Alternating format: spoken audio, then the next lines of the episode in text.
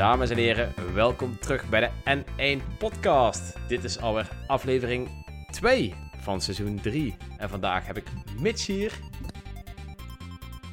En Willem. Ja, goedenavond allemaal. Goedenavond. Hey, we gaan het hebben over. Wat denken jullie zelf? Waar gaan we het over hebben? Iets waar Willem heel veel zin in heeft. No More Heroes 3. OLED, OLED, OLED. En natuurlijk de Nintendo? Switch OLED. Ja, want dat was mijn aankondiging wel. De meningen waren nogal verdeeld. Sommige mensen vonden het wel cool, andere mensen wilden natuurlijk per se een Switch Pro. En eh, ik weet zelf ook niet echt heel goed wat ik wil, dus ja. ik vind het een hele lastige, gaan, maar daar Maar komen we wij, zo gaan- wij jou wel vertellen wat je wil, Dreon. Jullie gaan mij vertellen wat ik ga doen. Wij doen de marketing voor Nintendo wel deze keer. Ja, of laat de chat stemmen. Moet Dreon een Switch OLED kopen of niet? Oeh, please niet, please Oeh. niet. Ja. Eh, Ja. ja, Dreon's portemonnee is in jullie handen. Doneer in onze chat. Dreon koopt hem toch wel, krijg ik nou wel. Ah, ja. Uiteindelijk wel, ja. Meestal Dus, is dat wel zo, maar ik moet wel heel eerlijk toegeven, misschien lopen we dan wel een beetje op eh, de zaken vooruit, maar kijk, ik, ik speel eigenlijk 9 van de 10 keer dock-modus. Ik speel heel af en toe handheld-modus. En ik heb een hele mooie OLED-tv. En het, is niet zo alsof de Nintendo Switch OLED het beeld op een OLED-tv mooier maakt. Als dat nou wel zo was, had ik het overwogen, maar het is niet zo, dus... Ai. Maar hij is zo'n mooie kleur. Dat is wel echt waar, dat meen ik serieus. Ik vind hem wel echt super slick designed. Ik, Het eh, is een denk hij- dingetje, ja. Ja, ik denk wel dat hij heel mooi in mijn woonkamer zou staan, dat wel. Maar Ja, ik moet zeggen, dat, dat is wel de voornaamste reden dat ik over ben gegaan. Is deels die kleur, deels gewoon een verse, verse hardware refresher is altijd prettig. Ook al gaat het niet om directe performance internals, maar dingen als ehm, het grill aan de bovenkant waar de ventilatie zit, zit gewoon een stuk strakker. Ziet hij eruit. Eh, dat scherm is een stuk mooier. Ja, en ik speel vooral een handheld, dus voor mij was de keuze dan wel heel snel gemaakt. En ik heb heel erg geluk gehad met Game Mania die de inruildeals weer doet, waarbij je Ja. bijna 200 euro bespaart als je je oude Switch inruilt. Dus voor 150 euro vind ik die eh, upgrade wel echt, echt heel erg de moeite waard. Nou, dat Ehm, Game Mania. En heb jij ook de revisie, zeg maar, bij de Switch Revised? Ja, ja Oh, nou dat is helemaal bij mij een huilverhaal. Ik had een launchmodel Switch die letterlijk kapot ging. De casing eromheen had breuken, zowel bovenaan bij, bij die fangrill als achter de achterkant van de backplate, bij de schroeven. Mhm. Eh, totdat er een stuk is afgechipt. En dat, eh, dat, dat heb ik toen naar Nintendo gestuurd met Switch en al van... Hey, eh, dit is kut. En toen zeiden ze, ja, dat is zeker kut, want hij is dusdanig kapot dat wij hem niet repareren. Oh ja. Ehm, dus toen mocht ik 150 euro betalen voor een nieuw model. En dat was dan een nieuw launchmodel De Revised.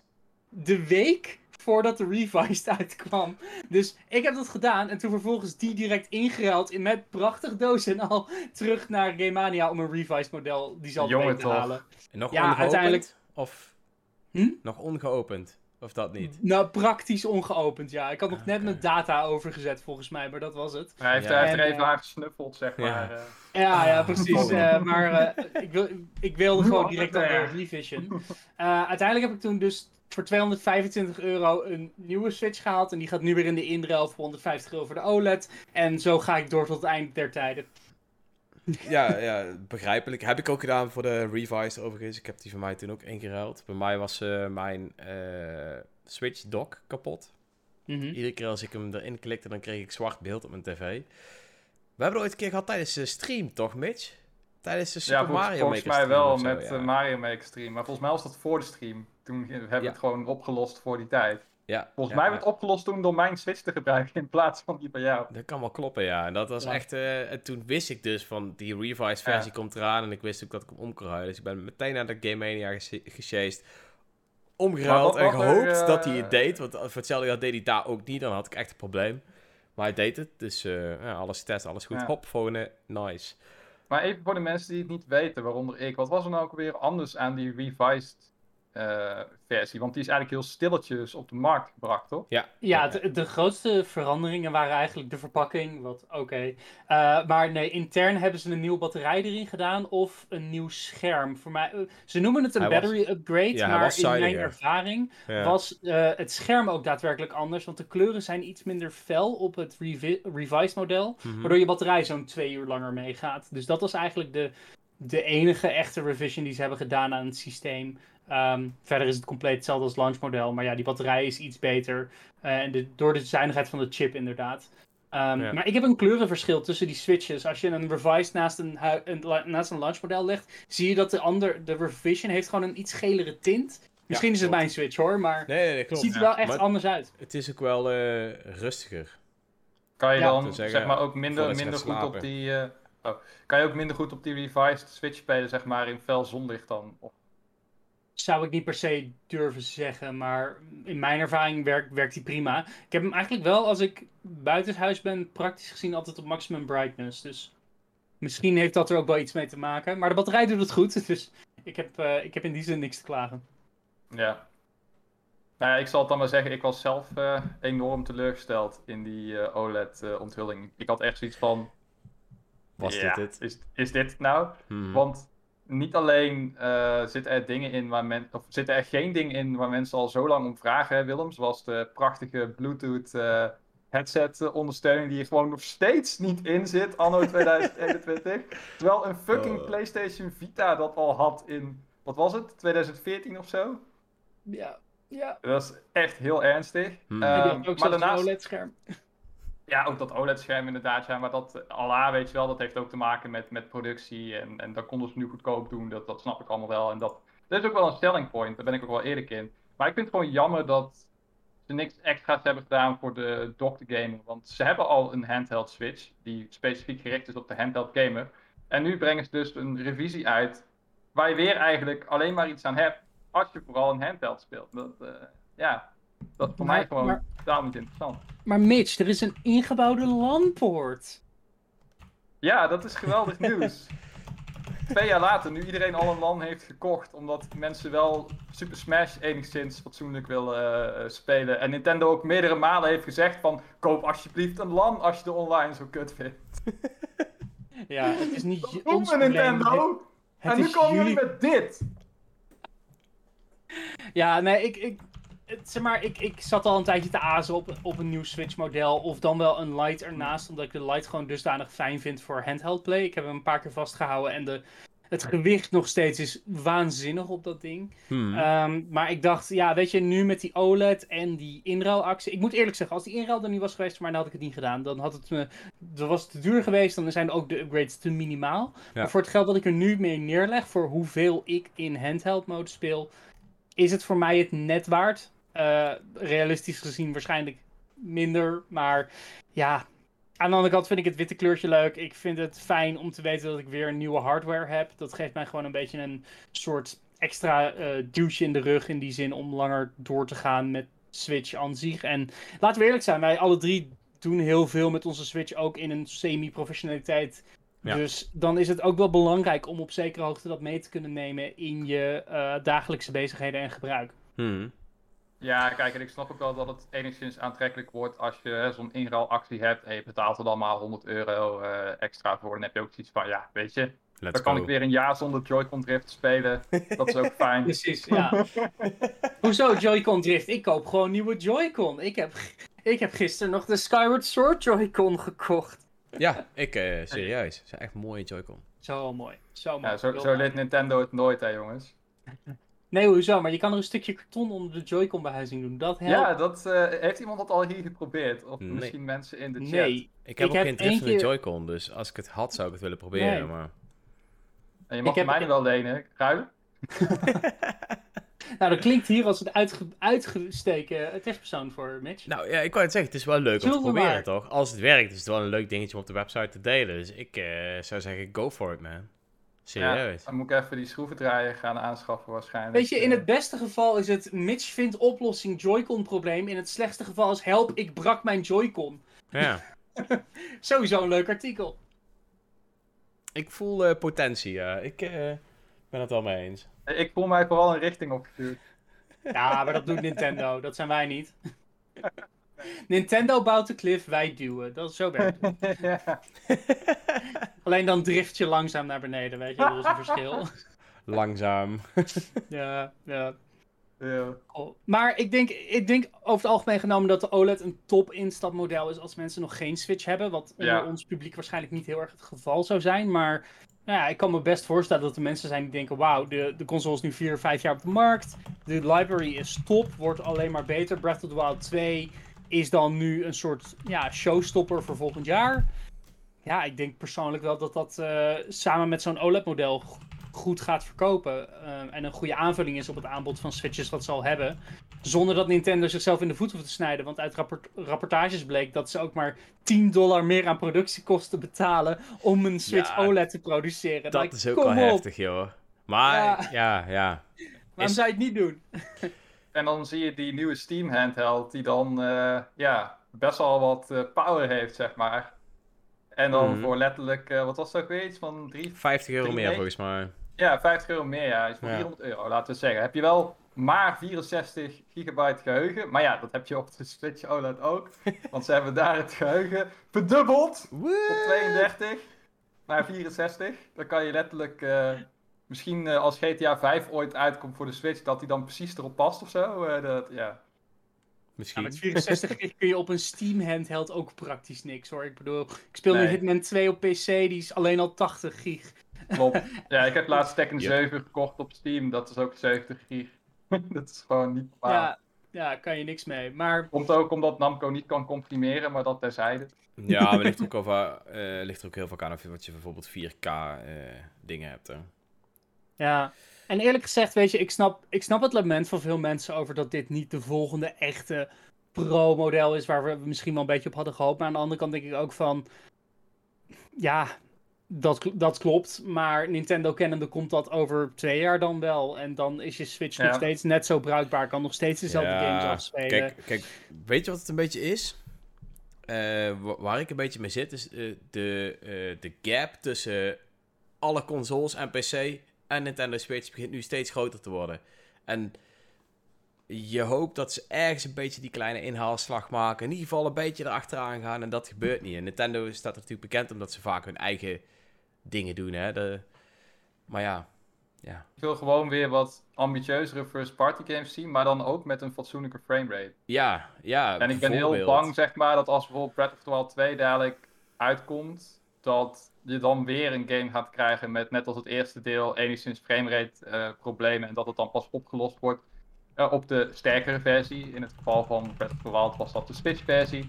En in het geval van Breath of the Wild 2 zal het waarschijnlijk zijn dat de game misschien beter gaat draaien op de Switch 2 of de Pro of wat er dan eh, uiteindelijk ook een keer uitkomt en zo. Wat hopelijk bestaande games een boost zal krijgen. Want dat hebben ze wel. Ja, ik weet niet. Ik merk dat steeds vaker op de Switch. Eh, ik heb laatst ook iets, iets 9 gespeeld. En dan merk je toch ook weer dat daar ook wel weer wat. eh, als het druk wordt op het scherm, wel weer wat frame op zitten. Met name in handheld modus. Mhm. Dus de, de tijd is gewoon rijp. Het is gewoon een Ja. hele oude tech inmiddels. Kijk, in 2017 was het prima tech, hè? Was het, was eh, zeker, als je, ja. zeker, zeker als je naar de form factor kijkt, wat ze er allemaal in hebben gestopt en dan ook nog het enigszins betaalbaar gehouden, dat was best, best, best indrukwekkend. Alleen ja, nu is het gewoon, ze leggen dezelfde tech in feite in de winkels voor 50 euro meer en je krijgt er een OLED-scherm bij. ja, ik- alleen Ja, Ik vind wel dat we ons een beetje verkijken op die hele inhaalslag. Want als we, kijken, als we nu kijken naar de top van de lijn, laten we het PlayStation 5 als uitgangspunt nemen. je zei Daar top moet je ook nog steeds. Nou, nou ja, top van de lijn in consoleland, wat je pre-made zo even direct koopt. Ik snap het, meneer. Ik heb mijn eigen PC vorige, eh, eerder dit jaar gebouwd. En ik Ja. speel, eh, al- 90. Ja, mijn ja. PC is, mijn. Dat is niet erg, mijn hè, PC maar- is eh, duurder dan mijn huis. Ja, maar toen was het al een rip uit mijn lijf. 1500 euro voor die eh, RTX 3090. Maar nu is die 2500 euro, hè. Ik heb Ja. echt een goede keuze gemaakt toen. Damn. Maar Maar, Als- sorry, als we ga verder. consoles, Als we consoles als uitgangspunt nemen, Ja. en je kijkt naar bijvoorbeeld PlayStation 5, Xbox Series X. daar moet ook nog steeds de compromis worden gemaakt op de, op de beste tech voor consoles. Je kiest niet voor 60 fps 4K HDR+. Nee, je kiest voor performance mode 60 fps 1080 upscaled. Of je kiest voor graphics mode 30 fps. Like, ja. Dus de, de, de huidige generatie van nieuwe consoles is nog steeds de compromismaker. Dus ik heb zelf nooit problemen gehad met het feit dat Mm. Nintendo erachteraan hobbelt. Ik zou het willen, absoluut. Ik zeg niet van, oh Nintendo hoeft niet naar 4K 60 fps te gaan. Maar tegelijkertijd, hun games draaien vrijwel top. Inderdaad, Breath of the Wild heeft in bepaalde momenten framerate haperingen. Super Mario 3D World en eh, Bowser's Fury ook op bepaalde momenten, absoluut. Link's Maar- Awakening. Link's Ja. Awakening. Maar Ratchet Clank heeft dat ook op PS5. Eh, er zijn ook genoeg eh, glitches en andere problemen in exclusieve titels op andere partijen. Dus als we Ja, doen maar dat Nintendo Ik- maakt hun eigen hardware, het moet feilloos runnen. Dat doen andere bedrijven ook niet. Wij zien het misschien sneller omdat we een hogere benchmark als vergelijkingspunt hebben. Maar dat betekent niet dat Hmm. dat ik denk dat dat, dat een, een valide concern is met wat Nintendo aan hun eigen praktijk, hun eigen Blue Ocean, Red Ocean doet. Met dit is ons vijvertje en Nou. wat zij doen komt hier niet bij in de buurt. Weet je nou, wat ik het heb is? hier wel. Ja. Ehm, dat is ook een dingetje waar ik persoonlijk heel erg mee zit. Is de, zolang de Nintendo Switch achterblijft, kan ik ook niet met een betere tv gaan. Of met een betere... eh, ik heb nu een hele dikke tv. Niet om stoer te doen. Maar het is wel heel vervelend dat als jij jou... Ja, maar het is wel heel vervelend als je een Nintendo Switch op die tv aansluit. Dat, dat het er eigenlijk voor een zo groot is... Dat je ook wel echt merkt van als ik er nu... eh, nu heb ik 65 inch. Als ik een 75 inch zou hebben... Was het misschien niet eens mooi meer geweest. Zo erg wordt het uitgerekt. Terwijl met een 4K tv... Of met, met 4K eh, is, is dat echt wel een dik verschilletje. Als ik nu een keer voor de grap een PC aansluit, denk ik echt wel van, oh, het is echt, echt lijp. En, Ja, nee, dat, En- dat sowieso. en dat, is, dat is heel jammer. En dat, dat, dat was een dingetje, dat toen ik deze tv had, merkte ik dat meteen, toen ik mijn Nintendo Switch op aansluit, van oeh, dit is jammer. Weet Maar je dat is wel- een first dat- world problem ten top. Oh Ja, nee, dat- mijn OLED 4K TV Nee. draait niet zo lekker met een Switch. Oh nee, Ja, ik heb wel, maar ik heb snap wel het ik snap Het is de- jammer, want, want je koopt... Ik snap het, maar- Ja, want je, je, je hebt een home console om op je tv te spelen. En nu loopt je eh, console zo ver achter dat... Want 4K is niet eens meer... eh, niet eens meer echt een first world dingetje. Bijna iedereen heeft voor het 4K. Even heel flauw gezegd. Iedereen dat is moeder. Maar, maar de Veel mensen hebben die. Het is geen home console Ik snap dat je se. geen 4K OLED tv hebt en al die bullshit, maar 4K is, is, is wel voor het een normaal dingetje. En Oké, Dreon, Dat neem is even tijd om dit te laten bezinken. Eh, Ja? Lees ook vooral even de comments, want die hoor jij in de gaten te houden. Mhm. dan, dan ga ik, dan ga ik vervolgens Zeker. keihard tegen Willem in. Want Willem, eh, wat jij net zei eh, over die performance mode, dat is een heel goed punt. Want die gamers eh, op, op Xbox Series X, PS5, whatever, die hebben tenminste die keuze om te zeggen van, ja nee, ik vind 60 fps inderdaad belangrijker dan dat er shiny effecten in zitten. En die keuze heb je niet bij Nintendo, dus dat vind ik al op zich al jammer.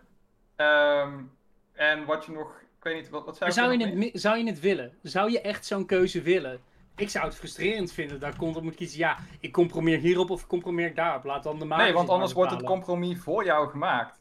Ja, maar dat vind ik toch ook Terwijl ik- prima? Ik bedoel... Ja, maar er zijn toch verschillende soorten games. Dus sommige mensen Ja, ja, vinden het prima om een game op 30 fps te spelen. En andere mensen zeggen van nee, ik heb liever 60 fps, want deze game is wat sneller en dergelijke en dat soort zaken. Ik zou het dan heel chill vinden als ik kon zeggen van grafische effecten, een klein beetje naar beneden toe. En dan betere framerate in Bayonetta 3 of whatever. Een game die het echt eh, die je nodig graag heeft. met Kijk, 60 fps speelt. Ja. Precies, en dat zijn dingen die je nu wel gewoon eh, ja, mist. En in feite wordt dat op Switch, eh, nou ja, zolang Nintendo, Nintendo houdt dat wel een klein beetje in de gaten, maar dat is het andere punt wat jij maakte, van wat is de benchmark waar je mee vergelijkt? Nou ja, ik vergelijk niet per se met dat het op andere consoles ook soms kut is, maar meer met Nintendo uit het verleden. Toen ze echt bekend stonden van, als je een Nintendo game koopt, dan heb je altijd goede technische prestaties. Dan weet je gewoon, die game loopt soepel. Mhm. Je hebt geen flinke frame drops. Hè, soms is de game een beetje afgeraffeld, windweker. Maar dat is inhoudelijk. Dat heeft niks te maken met. eh, Dropt hier even de hot take van de avond. Nee, maar, Maar dat, dat was, Je dat punt was komt wel. goed tot het windweker gedeelte, ja. Ja, maar dat, dat, even, dat even terzijde. Maar dat was het wel. Ook op de Wii U nog. De games waar je, die een beetje frame drops hadden, dat waren vaak third-party games. De Bayonetta had het een klein beetje, Bayonetta 2. Maar je had Mario Kart 8, eh, Smash, eh, Mario 3D World, allemaal soepel. Splatoon, allemaal soepel. Ik weet niet, ik heb het gevoel dat je dan toch wel een beetje erg rooskleurig kijkt naar consoles en voorbeelden uit het verleden. Dat, dat de Switch nu daar tegenop bereikt, terwijl het volgens mij ook niet altijd zo soepel was toen. Uh... noem, maar eens, noem, maar eens, een paar games dan, als je kunt. Nou, ik, oh, ik, Breath of the Wild op de Wii U draait ook ja, niet. Ja, ja, ja, ja. En, en Xenoblade, en Xenoblade X al. Xenoblade Chronicles wel, X. Uh, ja, ja. Volgens mij had Woolly World ook wel de enige issues. Of uh, Crafted World, hoe heet die? Crafted World niet. Nee, Woolly World op de, op de Wii U. Die had ook nog wel hier en daar, volgens mij. Woolly World. Woolly World. Woolly World. Nou ja. heel vaak achter elkaar. Kijk, uh, heeft een van jullie Skyward Sword HD gekocht? Even ondanks of je het goed of niet goed vindt die game loopt 60 fps en dat is echt een wereld van verschil. Ik vind Absoluut. Ik heb, heel vorige week het origineel op de Wii nog even aangezet om te voelen hoe dat begin is. Of ik echt you know, daar, een, eh, daar een reële, reële mening over had door de jaren heen. Het is alweer tien jaar geleden. Mhm. En ja, die 60 fps is een wereld van verschil, absoluut. Tot dusver nog geen frame drops. En tot dusver draait hij prima. ja, het is een tien jaar oude game. Ik zie je argument al voor me, Mitch. Maar het is, maar wel een HD. Maar, maar je merkt wel het verschil. Het is eigenlijk, heel eerlijk gezegd, eh, dan hoef, ik hoef niet eens 4K. Ik heb veel liever dat die, dat die frames per seconde gewoon top zijn. Dat vind ja, en ook niet iedere game heeft 60 fps nodig. Maar ook een stabiele 30 wordt soms gewoon niet gehaald. Dat, ja, het is gewoon jammer. En, dat met, iets, met, iets meer power, met iets meer power kun je dat al verhelpen. Heel even onderbreken, jongens. Want... Is er een comment? Nee, er is geen comment. Er zijn wel comments, alleen uh, niet echt Jij leest voor. Nee, nee, nee, nee, Maar, over de comments gesproken, want het is wel een dingetje wat we in de comments gaan doen. We hebben namelijk een prijsvraag. Die zijn we de vorige keer helemaal vergeten. Super dom.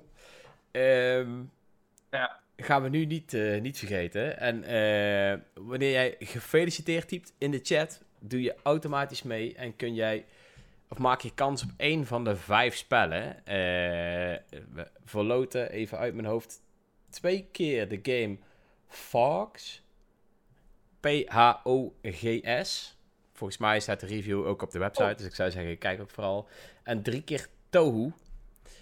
En uh, deze... Kun je dat eten? Ja. nee. Zeker. De Fox kan je ook eten. Dat zijn gewoon twee honden. Oh ja, lekker man. En uh, ja, deze games uh, worden nog steeds verloot eigenlijk uh, na onze bekendmaking van N1UP, toen we eigenlijk gestart waren. Maar wij zijn vorige week, omdat het zo mega gezellig was, zijn wij helemaal vergeten om de prijsvraag te doen. En ja, nu willen we toch wel echt dat we hem gaan doen en dat mensen meedoen. Dus typ even gefeliciteerd in de chat en ja, dan maak je kans op één van deze vijf games. Of ja, twee games. Ja. Vijf kansen. Dus ja. En als je dit later luistert in de auto, dan inderdaad, had je nou maar meegedaan, had je maar live gekeken. Ja, had je maar live meegekeken. Stom, van je gewoon, sorry. Ja. Volgende keer weer een kans. maar je mag ons nog feliciteren hoor, daar zijn we niet te min zeker, voor. Zeker, zeker. Je mag altijd een DM'tje sturen en dan uh, gefeliciteerd. Nee, top. Uh, sorry, ga verder jongens. Dit moest ik even uitgooien, want dan hebben ja, mensen nog een half uurtje de tijd. Je hebt uit de discussie gehaald, Dreon. Ja, we gingen even helemaal weer terug naar 10 fps, man. Ja, sorry. Stottert deze podcast bij jullie ook zo? Ga door naar 60. Kom jongens, breng hem terug. Nee, maar ik denk, ik, denk, ik denk dat we wel aardig eens zijn, toch? De kleine, ja, kleine powerboost lijkt me gewoon nu in deze, dit, op dit punt van de lifecycle enigszins nodig. Alleen niet financieel voor Nintendo, want de Switch verkoopt nog steeds als een team. Ja, nou kijk. Het is financieel absoluut niet nodig, want de Switch heeft afgelopen jaar, in het vierde jaar hebben ze een spike gehad van bijna wat was het, 50 miljoen units? Like, mhm. Dan hoef je niet een nieuw model uit te brengen als de originele voor hetzelfde geld nog steeds zoveel oplevert. Ja, 10, 10 dollar meer productiekosten voor mensen die het nog steeds gaan kopen. en als de, de pre-orders in Europa en Amerika er iets zijn om uit te nemen, gaat dit ding alsnog verkopen. Dus zeg maar, ik denk niet dat dit nodig is. Een, een, die, die upgrade is niet nodig voor de, voor de financiële zijde. Uh, en ik wil een upgrade, sure. Ik wil die power upgrade. Geef maar 4K, geef maar 60 fps constant. Helemaal prima. Ik bedoel, daar ben ik absoluut niet tegen. Alleen Nintendo is Nintendo. Nintendo is Nintendo en Nintendo doet dit pas over drie jaar. En dat is. Ja, dat is de realiteit. Maar ja. wil ik even een bruggetje maken nog naar de Steam uh, handheld. Want uh, Lady Stads uh, maakte daarover een comment, die ik overigens wel lees. Um, die zei... Goed zo. Doe maar. Jullie praten, jullie praten zoveel dat ik, dat echt letterlijk moet onderbreken om een comment op te lezen. ja, dat ga ik niet doen. Dus ik laat jullie even uit discussiëren. En dan... Uh... zei inderdaad van Nintendo wel opschieten, want die Steam handheld had anders marktaandeel uh, pakken, even geparafraseerd. Uh, Hoe mhm. denken jullie erover? Is die Steam handheld enigszins een bedreiging voor de Switch? Ik zie jou heel hard nee, nee. Willem. Nee, twee, het zijn vier woorden. Animal Crossing, Mario Kart. De mic drop. Het is niet, nee, de, de, de Steam handheld... Het is een mooie mic, ga ik niet droppen. Ah. Uh, de, de, de, Steam, de Steam Deck is een hartstikke interessant apparaatje. Zeker. Maar het is voor een niche-markt. Namelijk mensen die al helemaal in het Steam-systeem zijn geïntegreerd. Want zomaar casuals gaan hem niet kopen in de winkel. Dat kan niet eens. Je moet via Steam kopen en je moet ook een beetje al een library opbouwen. Um, hij gaat niet zomaar verkocht worden in, in de mediamarkt bij de Game Mania. Dus dat trekt al een heel groot deel van de klandizie weg. Uh, en ten tweede denk ik dat dit hartstikke leuk is als jij nu je games voor de komende drie jaar op dat systeem wil spelen. Hmm. Maar over vier jaar zou je toch wel echt een upgrade moeten doen. Want ik denk dan dat de Steam Deck ook niet meer alles even zo soepel draait. Dus. Nou ja, je hebt op PC natuurlijk wel meer opties dat je de settings naar beneden kan. Uh, ja, natuurlijk. Maar, maar de vormfactor aan zich bij Switch zit zo strak in elkaar, ook qua branding. Ik bedoel, hoe kut we de Joy-Con ook vinden, en laten we eerlijk zijn, ze zijn niet de beste. Uh, de, het idee van twee controllers bij elke console die je automatisch kan uitdelen aan andere verkoopt zichzelf. En dat kan je niet. Daar is, het, daar is PC niet voor ontworpen, daar is de Steam Deck niet voor ontworpen. Dus je zit op een hele andere markt. Nee, je, ehm, mist, je mist sowieso een heleboel USP's. Maar tegelijkertijd denk ik ook echt van ja, voor wie is dit ding nou eigenlijk? Want als je ja, uh, als je vooral docked speelt, laat ik het zo zeggen. Want uh, stel je, je, je, ziet het ding als een Switch. Van ja, je, je, kan hem ook op je tv aansluiten en je kan hem in handheld mode spelen. Nou ja, uh, docked, volgens mij heeft iedereen die zo'n ding wil kopen, die geïnteresseerd is in krachtige shit, heeft al of een krachtige console, of een gaming laptop, of een PC thuis staan. Nou, die kan je allemaal ook heel makkelijk met een kabeltje uit je tv knallen. Dus dat maakt helemaal niet uit. En voor handheld, ja, het ding Team ziet Link. niet uit. Het ziet er ook Steam Link bestaat ook al, dus je kan al streamen naar je telefoon. Het, ja, dat, werkt feilloos, verrassend genoeg. Hmm. Ja, nee, dat, dat is ook al een voorbeeld. Maar ook, ik vind het hele ding echt gewoon lelijk. Het lijkt me ook echt... Waar die knoppen zitten ook, helemaal aan de buitenkant. Het ziet er echt heel raar uh, uit. En ik kan me ook niet voorstellen, ik, weet, ik heb niet super erg in maar ik kan me niet voorstellen als dat ding echt krachtig is, dat je dat ook echt een batterij hebt die lang meegaat, of dat die niet warm wordt in je handen, dat soort zaken. Het ziet er allemaal een stuk um, ruwer uit dan bij een Switch die toch een stuk slikker is en wat dunner is. En, ja, Nu, nu, dat ik zie ook inderdaad dat de Steam Deck twee keer zo zwaar is als de Switch. Ja, wat, uh, dan kan je en, van iemand uh, En zoals baksteen, uh... Alice Pinkhead ook al zegt, ik vind de Switch soms al te zwaar. Dat vind ik ook. Ik, ik, ik daarom gebruik ik ook mijn Switch Lite vooral voor handheld gaming. Dat is zoveel chillen. Ja, die is, die is gewoon echt licht. Dat is echt wel niet heel veel zwaarder dan een mobiel. En ik denk ook met de, met de Steam Deck aan, aan, aan zich dat het, het, um, die, die instapprijs is verraderlijk. Want 400 euro voor inderdaad dat 64 gig model, dat, dat trekt de hardcore gamers niet. En de casual instappers zullen, er ook niet, zullen het ook te hoog vinden. Want dan koop ik wel een Switch. Daar heb je in ieder geval een gevarieerde library in die zin. Mhm. Ehm, en de dock die wordt ook nog los verkocht en daar is nog geen prijs voor bekend. Oh, dus ja, ja. Dat, dat is ook nog wel even een, een soort uh, slang, uh, slang uh, achter de hand. Nee, überhaupt al het feit... Überhaupt al het feit dat ze die drop Nee, dat klopt.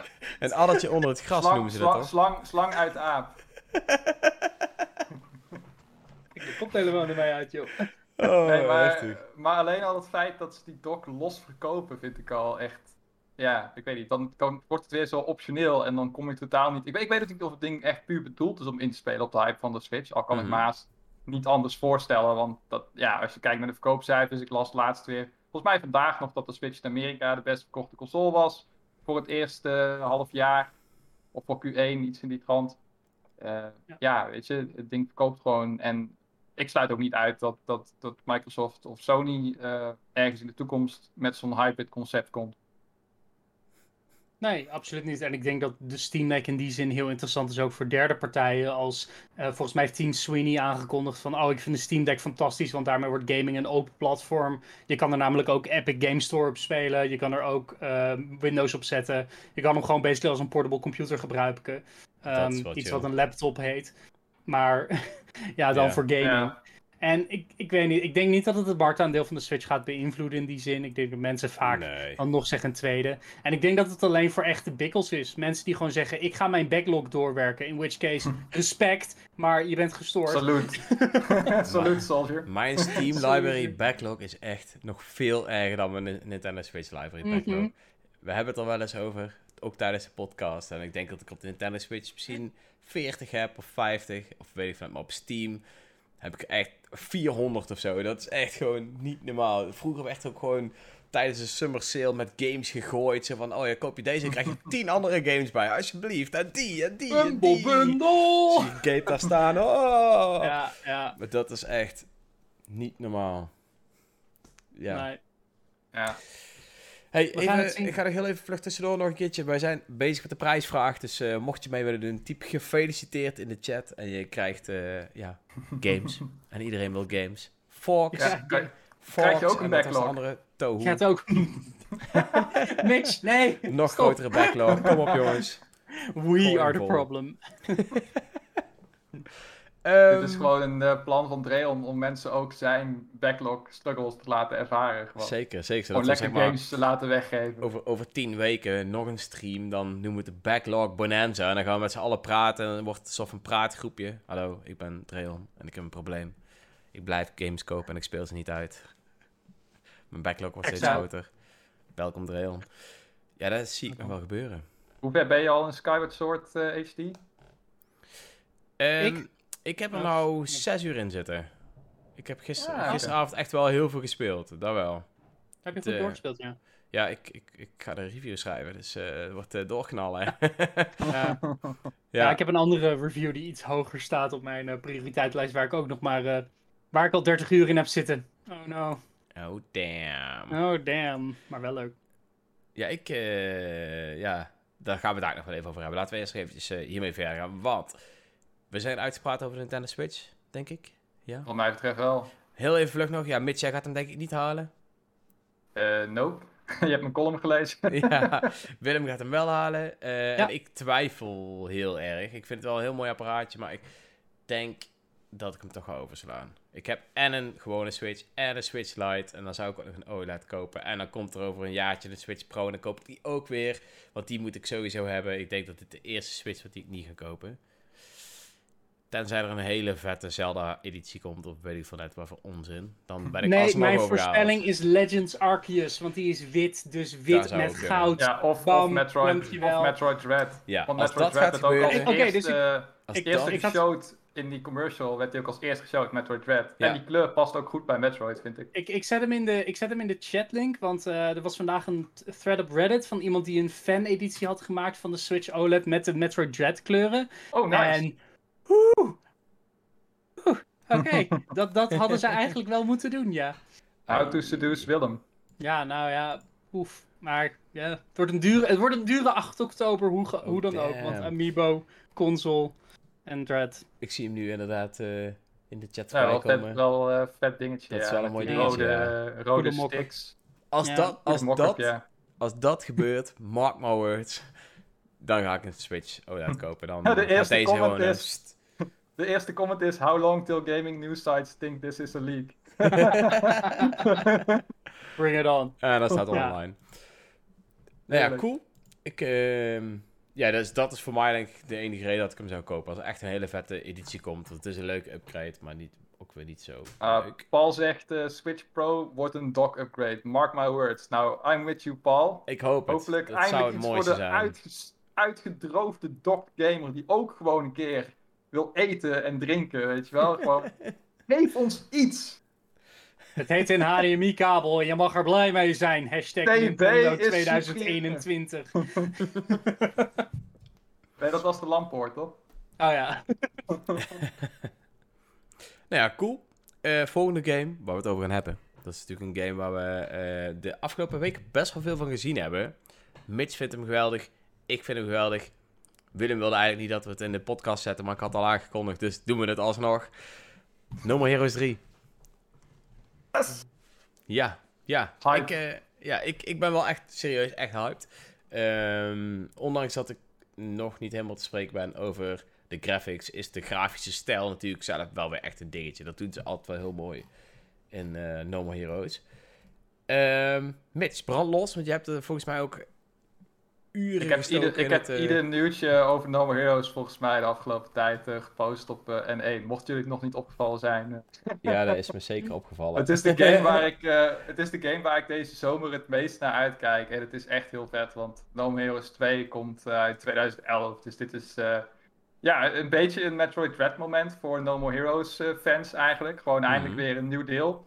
Uh, en wat helemaal vet is, is uh, dat Suda51, of Suda Gochi, zoals hij in het Japans heet, die werkte weer aan mee als director. En bij deel 2 was hij alleen maar betrokken als nou, in feite iemand die adviseert, maar de rol van regisseur werd aan iemand anders gegeven.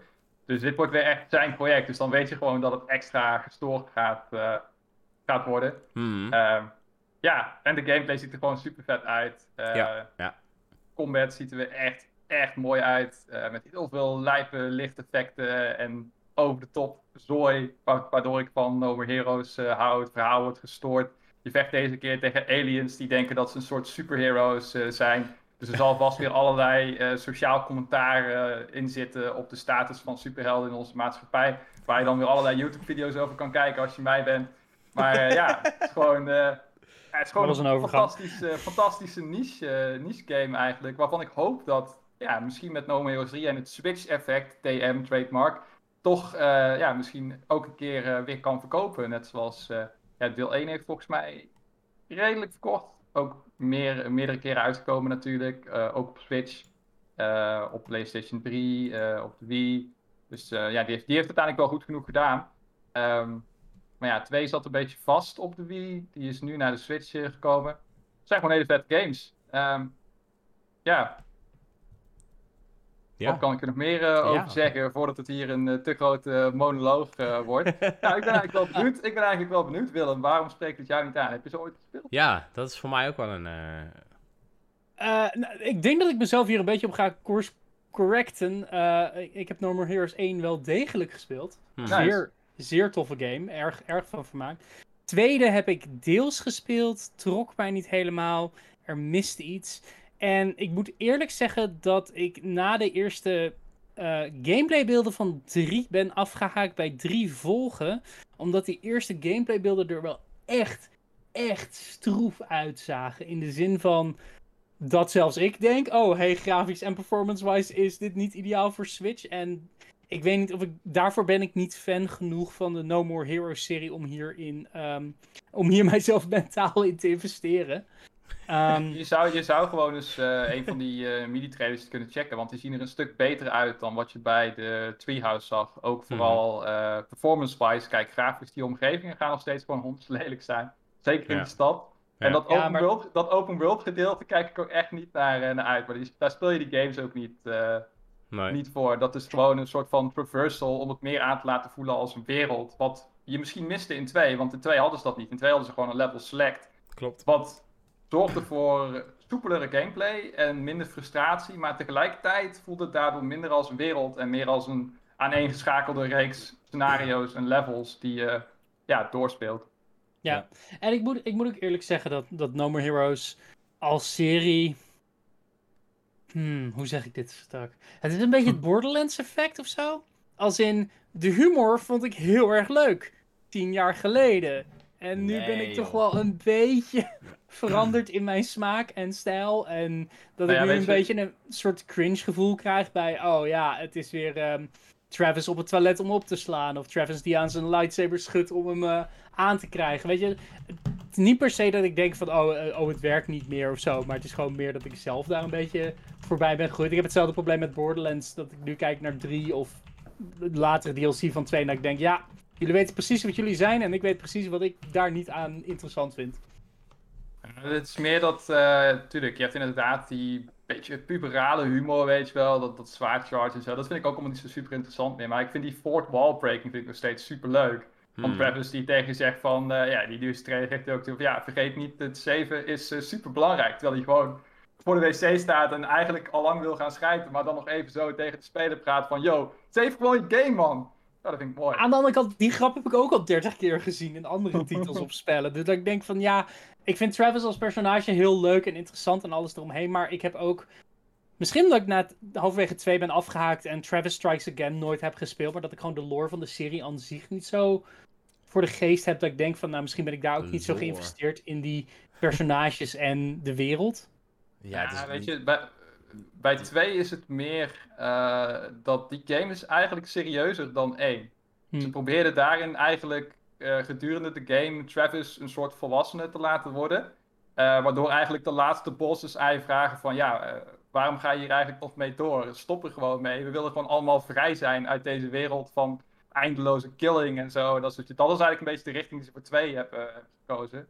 Um, dus dat was, dat was eigenlijk ook gewoon minder te lachen. En de bazen, die, uh, nou, dat zijn natuurlijk altijd larger-than-life uh, characters met vette one-liners en speeches.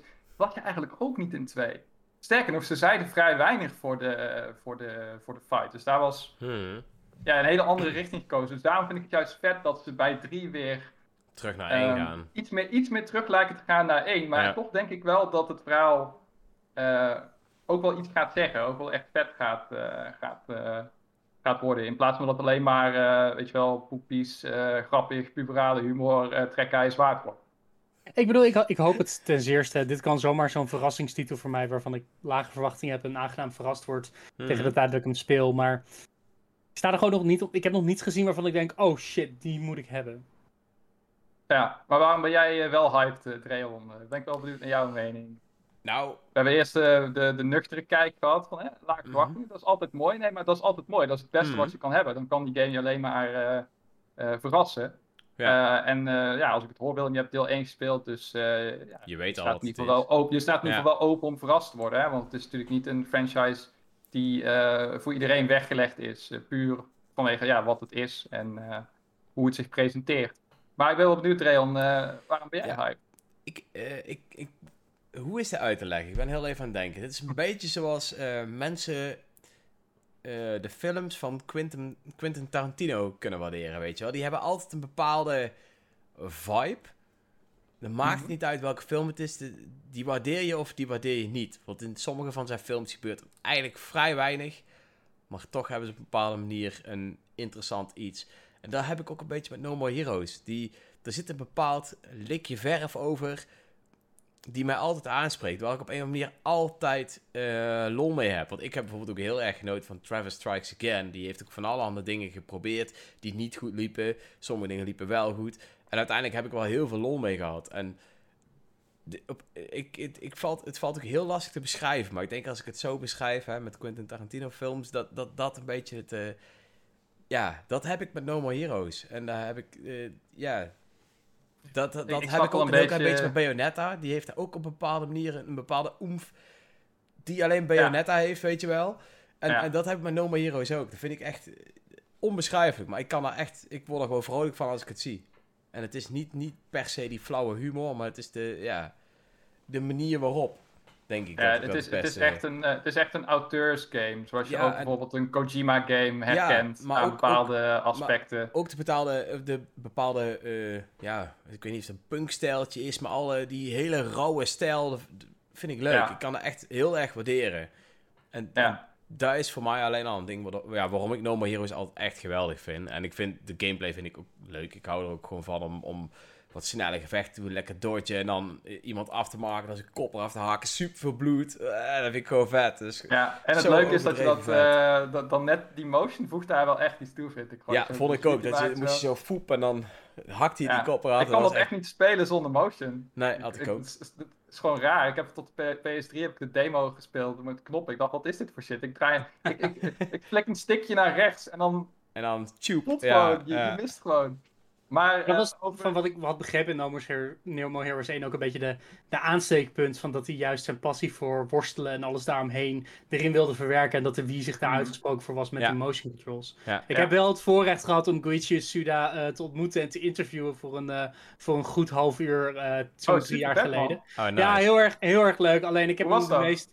De me op Gamescom, maar het was een van de meest ongemakkelijke vragen die ik ooit heb gesteld. Hoe dan? nou, kom Oké, dus dat was, dat was ongeveer de, we wisten dat No More Heroes 3 eraan kwam. En No More Heroes 3 uh, was al in ontwikkeling, maar ze waren op dat punt waarbij ze zeggen: Het verhaal is af, maar we zijn nog bezig. We hadden al twee jaar niets gezien ja, of zo. Ja, ja, En um, op diezelfde Gamescom begon het met een andere auteur, namelijk uh, Hideo Kojima had een prachtige nieuwe trailer voor Death Stranding toen. Oh ja. Um, en in die trailer was het hele internet natuurlijk allemaal op hol geslagen, want in Death Stranding kon je overal pissen. Wat natuurlijk ontzettend cool was, weet je. Dat je overal, als het nodig is, als je als Norman Reedus, of hoe die ook, ook alweer heet, Sam mhm. Bridges moet spelen, kun je overal plassen en dan groeien er paddenstoelen uit. Enfin, dat had ik gezien en toen had ik voorbereid als vraag aan, aan, aan Mr. Suda, Suda-san himself had ik gesteld de vraag van... Nou, we hebben net gezien hoe Kojima uh, de, de nieuwe standaard heeft gezet voor, voor physics en de aanwezigheid van plassen in games. We weten natuurlijk dat Travis Touchdown altijd in No More Heroes opslaat naar het wc. Hoe gaat u met No More Heroes 3 Kojima overtreffen met Death Stranding? En de blik van de vertaler ging naar: wat de hel moet ik hier nu mee? wat moet ik hem nou vertellen? en toen heeft hij dat vertaald.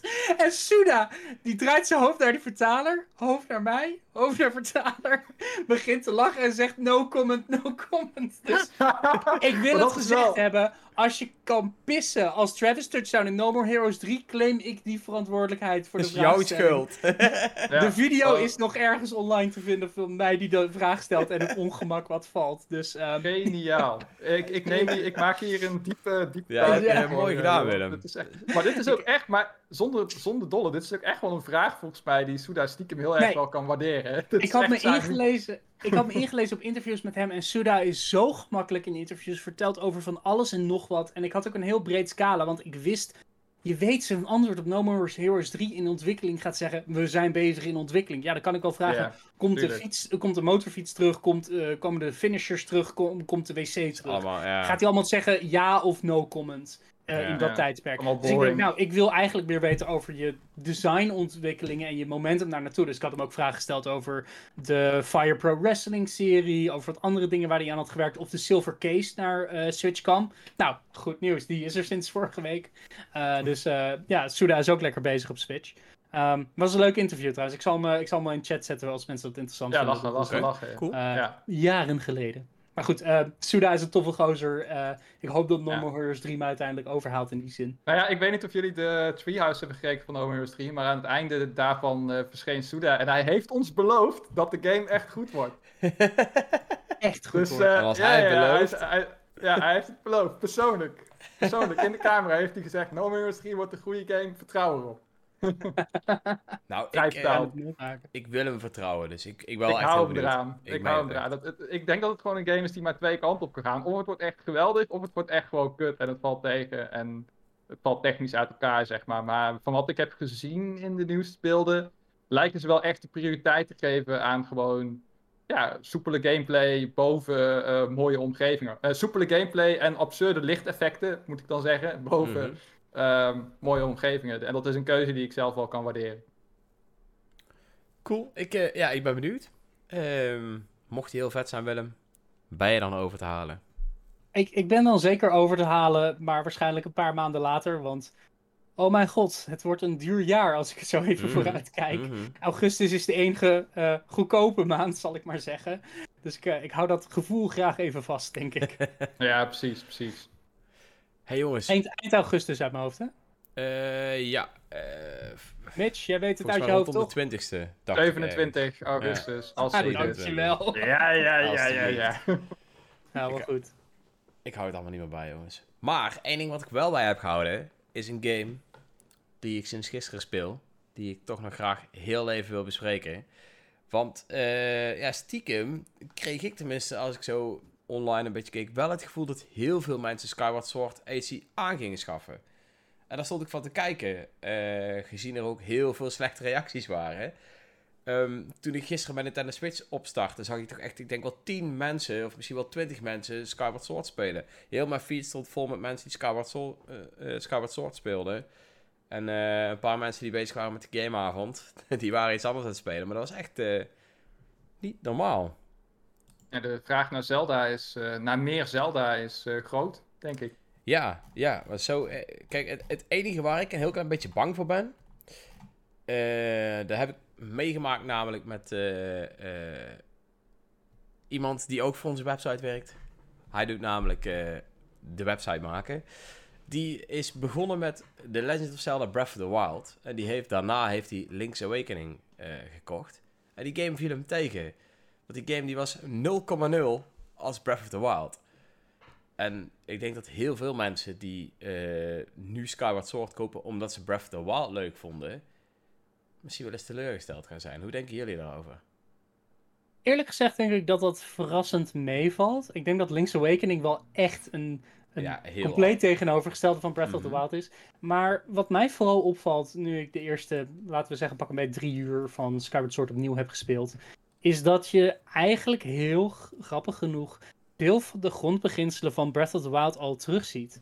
Uh, dat hebben ze natuurlijk ook meerdere keren gezegd. Maar zo. Ja. weet je, de, de stamina-meter, dat is een beetje voor de hand liggend. Maar ook de manier waarop de game uh, in zekere mate je quests geeft zonder ze je direct te geven. Weet je, dat je mhm. heel erg met inwoners van Skyloft kan praten. En dan gaandeweg die quests kan uh, uitvogelen en ja, um, afronden de design aan zich is natuurlijk erg um, seculair voor de mensen die me hebben gespeeld en weten waar ik het over heb. Het is gewoon heel erg. Het is niet een Breath of the Wild open wereld. Ga maar nee, waar je heen wil. Het is echt gesegmenteerd. Zeker. Eh, en, ja. en in, in die zin is Skyward Sword wel heel anders, maar de combat is toch wel echt wat mij het meeste terugtrekt. Wat ik in Breath of the Wild een beetje af en toe als een obstakel vond van, of niet een obstakel, maar in Breath of the ah, Wild is combat. Ja daar komt hij weer. Ik doe een paar slagen, ik spring opzij, flurry rush, doei, volgende, soms een hamer, soms een bom. Dat is het. En met Skyward mhm. Sword voel je toch dat die motion control combat echt het hart van de serie is. Dus in die zin ben ik wel blij dat, dat het wel een echte tegenpol biedt voor wat Breath of the Wild was, zonder al te veel weg te staan van het idee van een 3D Zelda. Ja, dat, dat is wel denk ik het ding wat je heel goed zegt. Het is wel echt een tegenpol in heel veel opzichten. En ik denk vooral uh, dat mensen die begonnen zijn met Breath of the Wild en dat zien als dit is Zelda en ze komen dan ze landen op die surface en het eerste wat ze proberen te doen is van oh ik ga naar die berg en de vet oh shit invisible wall of oh shit ik kan niet uh, klimmen. Ik kan hier niet. Uh, ja. Weet je wel dat, daar moeten we ons wel van bewust zijn denk ik, want voor ons is het heel normaal dat uh, Skyward Sword een Zelda is in de trant van Ocarina of Time. Want het spelen we allemaal al jaren en we kennen al die Zelda's. We zijn ja, wij weten wat of ja, hoe moet ik zeggen, wat eigenlijk Zelda was in ieder geval. Hè? Hoe Zelda nou daar ook gaat zijn. Wat eigenlijk de normale zou het zijn voor Zelda. Was eerst altijd gewoon een avontuur met dungeons. Je kon wel een beetje wat open world dingetjes hebben, maar that's it. Ja, en ik denk dat als mensen zich uh, door die eerste schrik heen kunnen zetten en ze betreden daadwerkelijk die dungeons, dan denk ik wel dat ze zeggen van, oh, dit is echt veel vetter dan die Divine Beasts.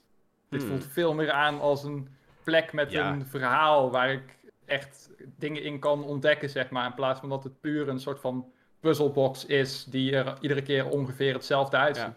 En, en, dat verhaal alleen al, de, de, de, opening van Skyward Sword is zo belachelijk sterk. Dat um, wel, maar ik vind de intro weer belachelijk zwak. Die duurt me wel net iets te lang. Welke intro? De, waar heb je dan? Oh, dat videootje? De... Nee, nee, als in, nee, de school. De, de, nee, dat je dat nee, moet ik hebben ben daar en Zelf. Nee, ik ben daar echt op, op teruggekomen, want dat gevoel had ik heel erg in mijn hoofd.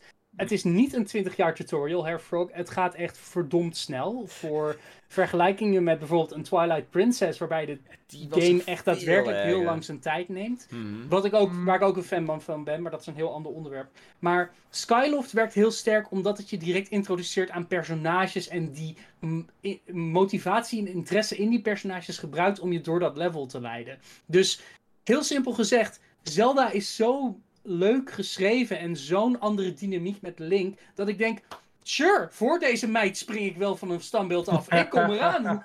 Weet je, het is zo... Dat wel. Het is zo sterk in elkaar gezet dat je direct een Link en Zelda dynamiek is, is echt goed. Met die personages. Iets wat Breath of the Wild absoluut niet doet. Breath of the Wild is oude man. Ha, doei! En daarna ben je op jezelf uh, aangewezen. De Legend of Willem Skyward Simp. Het is... Luister, eerlijk gezegd, ik wil dat Nintendo Zelda, een dating...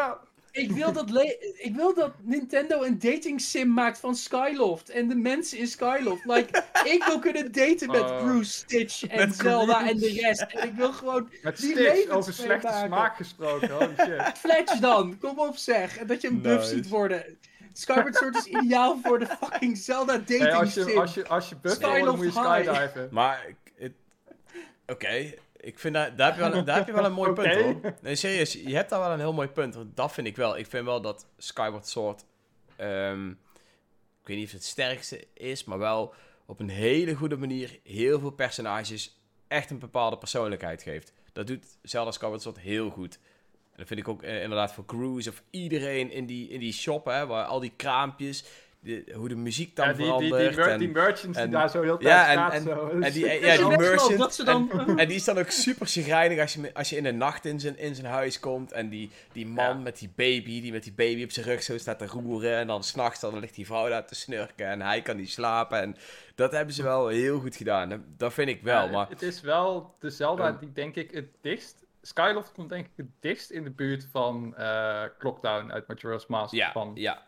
Alle Qua 3D persoonlijkheid Zelda en hubs, zeg maar. Ja. eh, En- dat hebben ze wel goed gedaan. Ja, dat vind ik ook. En um, dus, kijk, ik vind de introductie uh, vind ik iets te lang. Iets, uh, iets te veel tekst, iets te veel. Hè? Ja. Uh, Vooral heel... in het origineel moet ik zeggen hoor. Waar je ook echt die tutorials moet doen. En ook van, uh, dit is Ja. hoe je automatisch springt. Oh, hier staat een kat op een dak. Kun je hier even naartoe Ja, klimmen? maar, dat is nu, oh, ga- maar dat is nu nog steeds. Dat, dat, maar dan dat- kan je nu toch skippen? Beetje? Nee, nee, je kan Nee. de tekst sneller laten verdwijnen. Dus Ja, dat, dat is, wel. Dat is, en er zijn Ja. een aantal tekstdubbels echt weggehaald, zodat het sneller loopt. Ja. is me niet Ehm, opgevallen. ik- maar Maar, ja. ik, nee, maar ik, heb, ik heb letterlijk het origineel vorige week gespeeld Ja. om dat gevoel terug te krijgen. En zelfs dan is het origineel niet zo langdradig als dat je misschien denkt. Dat is puur omdat Breath of the Wild die hele tutorial shit in drie minuten heeft gecomprimeerd. Ja. En nou voelt Hier, alles langzaam in vergelijking. Dat- dat- Ocarina, Ocarina of Time voelt ontzettend traag. Terwijl daar in feite hetzelfde gebeurt als in Breath of the Wild Skyward Sword. Het is alleen omdat we nu zoveel sneller gewend zijn. En natuurlijk omdat we heel bekend zijn met deze games aan zich. Dat het gewoon een beetje betuttelend voelt. Hmm. De. ehm dat Ja, maar toch Ocarina denk is ik dat sneller, Skyward. Sword daar... Skyward Sword doet dat best wel goed. En is niet Ja. zo erg als in de geheugenis. Ja, Eh, ja, daar ben ik wel erg op is van gisteren, dus ik, ik, ik vind het nog steeds, ik vind het nog persoonlijk, ja. steeds eh, wel redelijk eh, lang.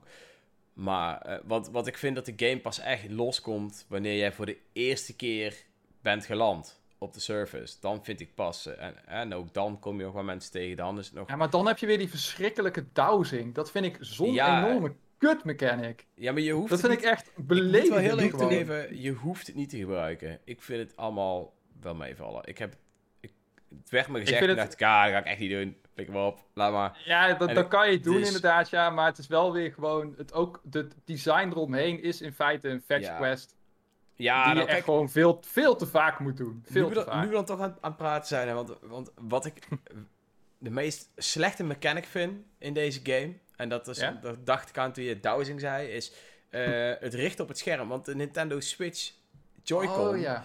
moet ik echt iedere keer opnieuw synchroniseren wanneer ik op mijn scherm richt. Het eerste wat ik doe is op mijn scherm richten en op I duwen om te synchroniseren. Terwijl de, eh, Ja. de Wii U controller, die was eh, nooit zal ik niet zeggen, maar die was echt 9 van de 10 keer niet out of sync. Die was gewoon De altijd Wii controller bedoel je, denk ik. eh, of zo, ja, sorry, Wii, Wii Ja, controller. ja. Vooral, Dat vooral met de sensorbar. Er is geen sensorbar meer. en, en, Ja. en dat is wel een dingetje, daar irriteerde ik me kapot. Er, is, er was een keer een moment waarop ik, eh, volgens mij switchte die automatisch over naar een scène met mijn vogel. Nee, ik weet het.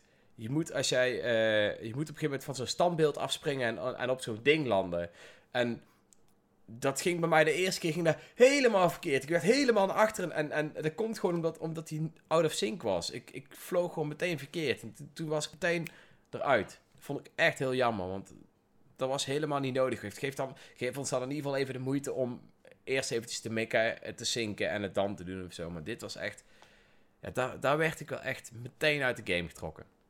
Het is inderdaad Ja, dat, dat En- die motion controls inderdaad nog steeds een beetje iffy kunnen zijn. Terwijl Ja. ik ze wel fijner vind spelen dan de button controls. Maar daar komen we misschien zo nog op. Mitch, jij wilde iets zeggen? V- vind ik ook. Ja, ik had dat dus ook voorbij zien komen. Volgens mij, eh, of in een video van Game Explain of in Nintendo World Report, Maar inderdaad, dat je dat heel vaak moet centreren. Terwijl dat op de Wii gewoon prima werkte. Toen ik, toen ik zelf zeg maar hoorde dat. Eh, je hebt bijvoorbeeld een stuk in de woestijn. waarbij je dus de hookshot gebruikt om van target naar target te gaan. Ja. Dat je net als in Twilight Princess heb je die twee. Dat is super vet overigens. dan kan je gewoon Spider-Man naar eentje blijven hangen. en dan vervolgens richten op de tweede. Maar dan moet je dus tussen iedere target moet je gaan centreren. Dat, is, ja, dat klinkt echt heel onhandig. En dat is ook gewoon een flinke achteruitgang. Uh, ten opzichte van het origineel. Wat zonde is, want er is ook heel veel beter dan In, het, uh, in het origineel. Zeker. En wat ik persoonlijk ook jammer vind, is... Uh, er zijn bepaalde dingen die heel goed werken met motion controls. Die ik echt niet zonder motion controls zou willen spelen. Dus Zwaard Combat is er één van. Als ik lees hoe dat werkt met die stickjes, dat je eerst helemaal naar uh, links moet en dan naar rechts, rechts, moet. Om zeg maar een uh, spin attack. rechterslag. Ja, nee, ja, je moet een spin attack doen door van links naar rechts te gaan zelfs. Dat is, Die is wel echt verneukeratief. Ja, verneukeratief vind ik een mooi woord overigens. um, maar dan denk ik van, oké, maar ik zou zo graag de game willen spelen met uh, motion controls voor het zwaard. Maar uh, knoppen graag voor bijvoorbeeld het zwemmen of het uh, flapperen met de vleugels van je vogel. Dingen die in mijn optiek gewoon net zo goed of zelfs veel beter werken met een, met een knop. Ja. Ja. iets meer customization daarin was fijn geweest. Voor mij, voor mij was het grootste probleem eigenlijk dat ik de, de button controls best wel prima vind werken. Als je een beetje went aan het feit dat je niet een stick moet bewegen, maar meer moet flikken. Ik heb het gevoel dat dat het allerbeste werkt. Um, maar ze hebben dus eigenlijk een freeform camera erin gevoegd. Maar die kun je alleen gebruiken als je de linker schouderknop ingedrukt houdt. En dan de rechter stick beweegt. Want anders gebruik je automatisch je zwaard en richt je daarmee.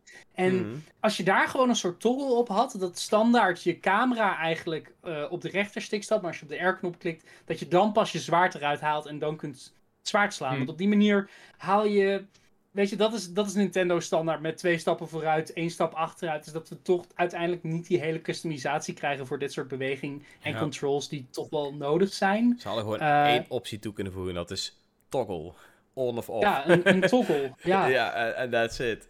Maar ja, goed. ja, en er zijn genoeg andere opties die ik wel fijn vind. Bijvoorbeeld het feit dat je in ieder geval je flight kan inverten met de, eh, met de motion controls en de touch control of de button controls is ook al fijn. Maar hmm. ja, het is toch wel weer een beetje dat ik denk. Het is Skyward Sword in HD. Met een zekere compromis om het op knoppen werkbaar te krijgen. Ja. Jammer dat er geen extra content is. Dat laatste vind ik ook wel een beetje. Ja, ja, ja. Hey jongens, ik ga weer heel even uh, onderbreken. Want ik zie dat er inmiddels alweer best wel wat mensen bij zijn gekomen. Uh, we zijn nog steeds bezig met de prijsvraag. Je hoeft alleen maar gefeliciteerd te toetsen. Volgens mij met een hekje ervoor in de chat om prijzen te winnen. Dus ik zou zeggen, let's go. Doe dat eventjes. Verder uh, zie ik dat onze geliefde Paul zegt dat er 3 miljoen, 3 miljoen uh, keer Skyward Sword is verkocht, sorry. Zegt hij. Met een installbase van 150 Op de Wii, ja. ja. ja. Um, ja, de, de, de Wii-verkopen waren niet ideaal. Ik vond de opmerking van N1 Denim, uh, oh, Denim heel goed. Uh, ik kijk wel uit naar Skyward Sword HD. Ik heb hem destijds geskipt. En nu met normale controls wil ik Zelda Origin Story eigenlijk zelf spelen. Eerst even mijn huidige game afronden. En uh, dat 10 tot 20 mensen Skyward Sword zag spelen... heeft waarschijnlijk veel mee te maken dat het origineel nou ja, 3 miljoen heeft verkocht. Een groot deel van de Switch installbase, dus net als ik, heeft de eerste instantie gemist. En dat vind ik wel een interessante, want... Uh, wat voor ons inderdaad als de norm voelt voor een 3D Zelda... voelt voor sommige mensen weer heel verfrissend of ja. anders. En ik moet uit persoonlijk zeggen, ik, ik ben een beetje teleurgesteld dat Skyward Sword de eerste 3D Zelda die de overstap heeft gemaakt naar de Switch. Want ik heb zo'n craving naar de lineaire Zelda-titels. Ik vind die gewoon zo lekker om constant opnieuw te spelen. Iets wat bij Breath of the Wild. Nou, ik heb me er eerder over uitgelaten. Breath of the Wild vind ik heel leuk voor één keer en daarna niet meer. Uh, maar die lineaire Zelda speel ik echt vaak opnieuw. Ehm, dus, dus in die zin ben ik blij dat Skyward Sword er nu is. En ik hoop dat we ook de rest ooit op een dag gaan zien op Switch. Ja, dat heb ik ook wel een beetje, inderdaad. De lineaire Zelda's heb ik ook allemaal meerdere keren uitgespeeld. Skyward Sword heb ik één keer uitgespeeld en that's it. Ik heb wel al twee keer uitgespeeld en de rest heb ik echt heel vaak uitgespeeld. Behalve windweken, daar kom ik uh, iedere keer toch... Dan haak ik altijd af bij die Triforce uh, Hunt of uh, oh, oh, bij, de Earth bij de Earth Temple of zo. Dat ik echt een hele saaie dungeon vind. En dan denk ik van ja, oké, dat was weer leuk geweest. Ik pak weer mijn save file erbij, waar ik plak voor Ganon's deur sta. En dan is het wel weer mooi geweest. Want die eindbaas is wel echt lijp. Ja, ja. ik, heb, ik heb het heel erg met... Omdat het juist karakter heeft. Iets wat we al net zeiden bij Skyward Sword. De Breath of the Wild is tof als een gameplay-idee, als een concept, als een, als een uitvoering van een open wereld waarin je echt vrij bent te verkennen. Maar het mist karakter, het mist harts. Zelfs in die flashbacks met Zelda. En daarom ben ik zo mm. verzot op de Skyward Sword versie van Zelda zelf. Omdat ze gewoon veel meer betrokken is bij Link. Je mhm. merkt dat ze samen zijn opgegroeid. Je merkt dat ze hem ook aanspreekt op: yo, gast, ga met je hoofd uit de wolken en, en richt je op het nu. Ehm, dat werkt gewoon als een karakterisering voor iemand die letterlijk niet praat. Dus daar, daar komt het ook nog een beetje logisch uit waarom het een stille protagonist is. Ja, je hebt dialoogkeuzes, maar kom op, dat maakt niet zo heel veel invloed. Het is meer een indruk. Mhm. Ehm, dus ik ben blij dat we wat meer Zelda-games met karakter hebben. En um, ja, ik vermaak me tot dusver heel, heel goed met Skyward Sword. Ik ook. Maar ik snap het volledig als er mensen zijn die zeggen van... ik ga niet nu 60 euro uitgeven aan een game van 10 jaar geleden. En ook omdat Skyward Sword die hele motion control push deed.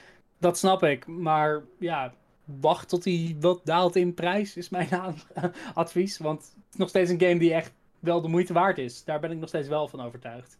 Meer misschien wel met de HD-versie. Is Skyward Sword een goede Zelda volgens jullie? Ja. ja. Ik zou ook zeggen ja. Ondanks mijn kritiekpunten, uh, ik vind het nog steeds in de kern een goede game.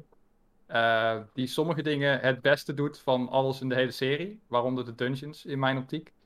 Um, verhaal zelf ben ik niet een enorme fan van, maar dat komt meer omdat ik het voor een origin story voelt het allemaal heel super kleinschalig aan. En de surface wereld zelf, die geeft mij nooit het idee van deze wereld wil ik redden. Want er staan drie Gorons en een paar gemuteerde Zora's ergens in een grot onder water of zo, die anders dood zullen gaan. Nou ja, oké, leuk, sorry dan. maar, ja, dat, sacrifices must be made en zo, uh, weet je wel. dus dat, dat vind, ik, uh, vind ik wel minder. Maar qua gameplay, uh, ja, ik weet niet. Het, het heeft dieptepunten, het heeft hoogtepunten, maar overal vind ik het wel gewoon een sterke, sterke game. Weet je wat we Dreon aankaarten van ik dacht ik ga hem even een, een uurtje opstarten, twee uur opstarten om te kijken hoe die speelt, hoe het voelt. En dan ben je toch weer drie, vier uur bezig, weet je. Yep. Het, het heeft toch iets waardoor het echt heel goed werkt. En ja, een paar van de beste dungeons in de serie, als je het ja. vraagt. Ik ga ze niet spoilen hier, want er zijn dus mensen die het echt nog niet hebben gespeeld.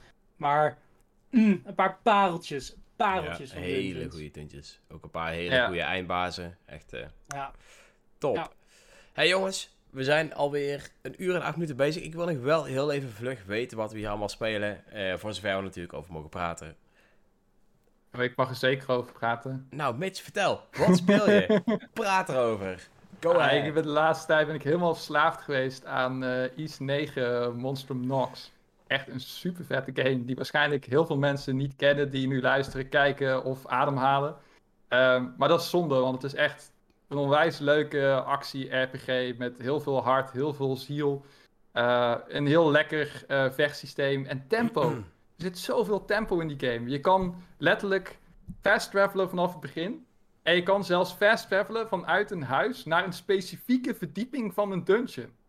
Je hoeft nooit iets te doen wat overbodig is. Je hoeft nooit een stap te nemen waarvan je denkt van... oh ja, nu ben ik eigenlijk hetzelfde aan het doen... maar ik moet hier toch weer even doorheen om bij deze ene quest te komen... want die staat toevallig op de onderste verdieping van deze dungeon. Nee, je kan gewoon letterlijk gewoon fast travelen. Doei. Ja, dat is Ideaal. Je, je hebt een chick, je hebt een chick waar je alle items uit de hele game kunt kopen. Want iedere keer als jij een winkeltje vindt in de game. En je gaat vervolgens naar haar, zegt ze: Oh, thanks for uh, telling me about the shop. En dan kan je gewoon letterlijk gewoon shoppen. Hoef je nooit te denken van: Oh ja, welke winkel verkocht dit zwaard ook weer? Nee, je gaat gewoon naar de chick toe en je hebt gewoon alles. Dat Ideaal. zijn allemaal zieke quality of life dingen, man. ja, echt zieke quality of life. En daarnaast, de sidequests zijn echt geniaal. Uh, de game is zo gestructureerd dat je sidequests moet doen, een beetje, met Jorah's Mask-stijl soms, om uh, verder te komen. Mm uh, want het speelt zich ook allemaal af in één stad met wel wat buitengebieden, maar eigenlijk is die stad, zeg maar, het centrale punt. Um, en die sidequests zijn zo tof dat ze ook gewoon ja, als onderdeel van het hoofdverhaal uh, aanvoelen. Je hebt heel vaak heb je in games van die sidequests van... Uh, ik heb 20 plaatjes nodig. Kun jij die even halen bij die boom daar aan de andere kant van de map? Kom je weer terug? Oké, thanks man. Hier heb je wat goud. Maar in Is... Uh, één voorbeeld wat ik echt super vet vond. Je hebt je eigen bar eigenlijk. En hoe meer sidequests jij doet... hoe meer personages zich bij jouw personeel of bij jouw gasten voegen. Dus het wordt eigenlijk steeds drukker in de game. en één quest die echt super vet was... was er is een soort van mysterieuze chick in je bar en ze zegt dat ze een dokter is en dat ze een medicijn heeft dat ze wil uittesten. Of jij even proefpersoon wil zijn. Nou, je doet dat. je hebt dan de keuze van ja, doe ik dat? Ik, ik zei natuurlijk ja, want ik wil gewoon weten wat er gebeurt. Hmm. Nou, vervolgens word je wakker, gedrogeerd. Is al je personeel gedrogeerd. Word je wakker in een kerker. Die blijkbaar al die tijd onder je bar zat. En dat is dan een soort van mini-dungeon. Waarin je zeg maar vijanden moet verslaan, een paar puzzels moet oplossen. En uiteindelijk die chick moet vinden. Die dan een uh, dief blijkt te zijn. Die op zoek was naar een schat die al die tijd onder jouw bar begraven lag. Dat vind ik geniaal. nice. En de game zit vol met dat soort leuke uh, verrassingen. Waarbij je echt nieuwe dingen leert over personages die je anders nooit had geweten als je die sidequest had gekipt. Oké. Dus uh, ja, mocht ik jullie nu verkocht hebben, Monster Nox is te koop bij de betere e-shop. Uh... wat, wat, voor soort gameplay moet ik me voorstellen? Is turn-based RPG? Wat, dat, dat is het beeld wat ik niet voor Ah ja, ja, nee, natuurlijk. Ik ben weer te enthousiast. Uh, ik, vergeet, ik, vergeet, ik, vergeet de, ik vergeet de basics. Het is een RPG, uh, maar je combat is zeg maar direct zoals in Zelda, eigenlijk. Je, maar dan meer fast-paced. Je hebt zeg maar combo's, je hebt special moves. Maar je hebt wel zeg maar de RPG-systemen wat Patrick zo fantastisch vindt. Dus je ziet metertjes vollopen, je kan levels upgaan, je, kan... uh, precies, je ziet damage en zo. Ben ik niet de grootste fan van, maar in East werkt het allemaal zo vlot en lekker dat het... Uh, ja, het is echt tof. Enige jammer dit... zijn de graphics. Ja, maar ja het en is, is dit wel dan een beetje een, de- game, de- een, een B-game, toch? Dus dat is daar... Het is, een, uh, aan het is qua budget is het een, uh, is het een, is het een B-game, maar qua Ja. design is het een A-game. Nice. Zo kan je het eigenlijk zien.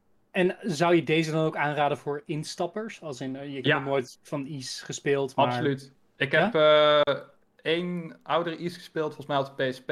En wat me daarvan bijbleef, was dat ik de gameplay wel leuk vond. Maar het verhaal en de personages, daar weet ik helemaal niks meer van.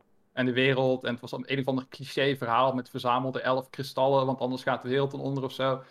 Saaie characters, maar hier is het echt, eh, ja, echt interessant. De, er wordt echt een soort van mysterie gecreëerd over, eh, nou ja, die, die stad heeft een grote gevangenis. En mensen worden gearresteerd voor, nou ja, twijfelachtige redenen, laat ik het zo zeggen. En je speelt ook segmenten dat je die gevangenis inbreekt en dan ga je steeds een verdieping dieper en dan krijg je allemaal te horen over shady shit en zo en omgekochte bewakers. Dus je wilt echt wel weten hoe het, eh, hoe het verder gaat. En Hmm. ja, de characters zijn leuk, interessant. Eh, er zitten een paar anime clichés in, maar eh, niet te erg, zeg maar. Dus het is niet zeg maar te afstotend voor mensen die niks hebben met, eh, met anime of met overdreven, eh, ja, emotionele characters, bla bla bla, dat soort shit. Je kent het wel. Hmm. Ja. Of, dat je in, of zoals in Tales games, dat je altijd zo'n irritant kutkind hebt, wat echt de hele, tijd, de hele game lang een beetje kinderachtig irritant loopt. En dan denk ik van, wat doe jij in mijn party? Ga weg. Dus Nice. ja, weet je. Oké, I'll echt put it on leuke the game. list. Hey, Put it eh, on the list, ja. nog even vlug, want ik zie dat Mr. Clevet vraagt. Ik had Oh, gehoord even dat de framerate soms problematisch is op de Nintendo Switch voor IS eh 9. Heb je dat van gemerkt? Ja, eh, dat, heb ik, dat was de game overigens waar ik het over had toen ik zei vooral in handheld mode. Eh, als je dock speelt, dan valt het eigenlijk heel erg mee. Dan is het ongeveer vergelijkbaar met de PlayStation 4, waar ook eh, wel wat kritiek op was destijds.